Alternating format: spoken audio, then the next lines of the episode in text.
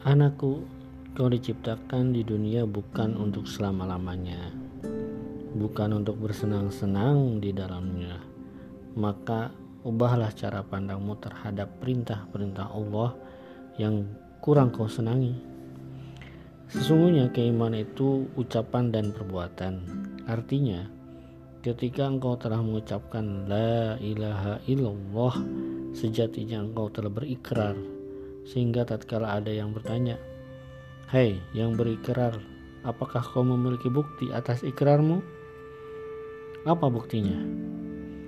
Jawabanmu tentunya adalah menjalankan perintah, menjauhi larangan, bersabar menghadapi ujian, berserah diri pada ketetapan takdir, dan seterusnya. Itulah bukti-bukti ikrarmu.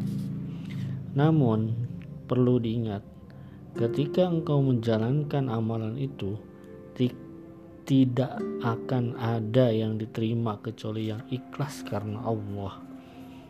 Walhasil, tidak ada ucapan yang diterima tanpa amal tidak ada amal yang diterima tanpa ikhlas dan sejalan dengan ketentuan sunnah.